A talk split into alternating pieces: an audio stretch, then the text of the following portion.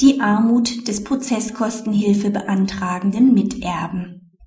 Klagt ein Miterbe eine Forderung an die Miterbengemeinschaft ein und beantragt hierfür Prozesskostenhilfe, dürfen bei der Prüfung seiner persönlichen Verhältnisse die Vermögensverhältnisse der anderen Miterben nicht berücksichtigt werden.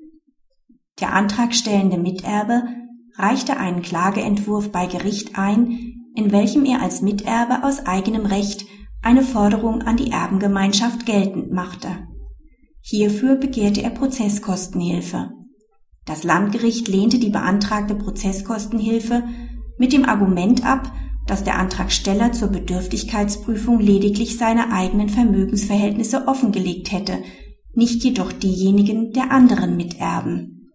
Hierzu sei er verpflichtet gewesen, da seine beabsichtigte Klage auf Zahlung an die Erbengemeinschaft gerichtet war.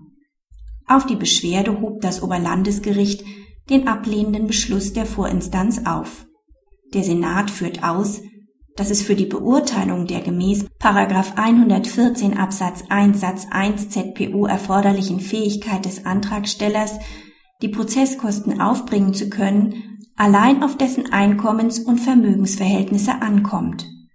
Der aus 2039 Satz 1 BGB klagende Miterbe macht ein ihm zustehendes eigenes Klagerecht geltend. Etwas anderes gilt nur, wenn der arme Miterbe für den Prozess vorgeschoben wird, um so die Prozesskostenhilfe zu erlangen. Dann liegt ein sittenwidriger Umgehungsversuch vor, der zur Aufhebung des Gesuchs führt. In diesem Fall kommt es auf die Vermögensverhältnisse der gesamten Erbengemeinschaft an.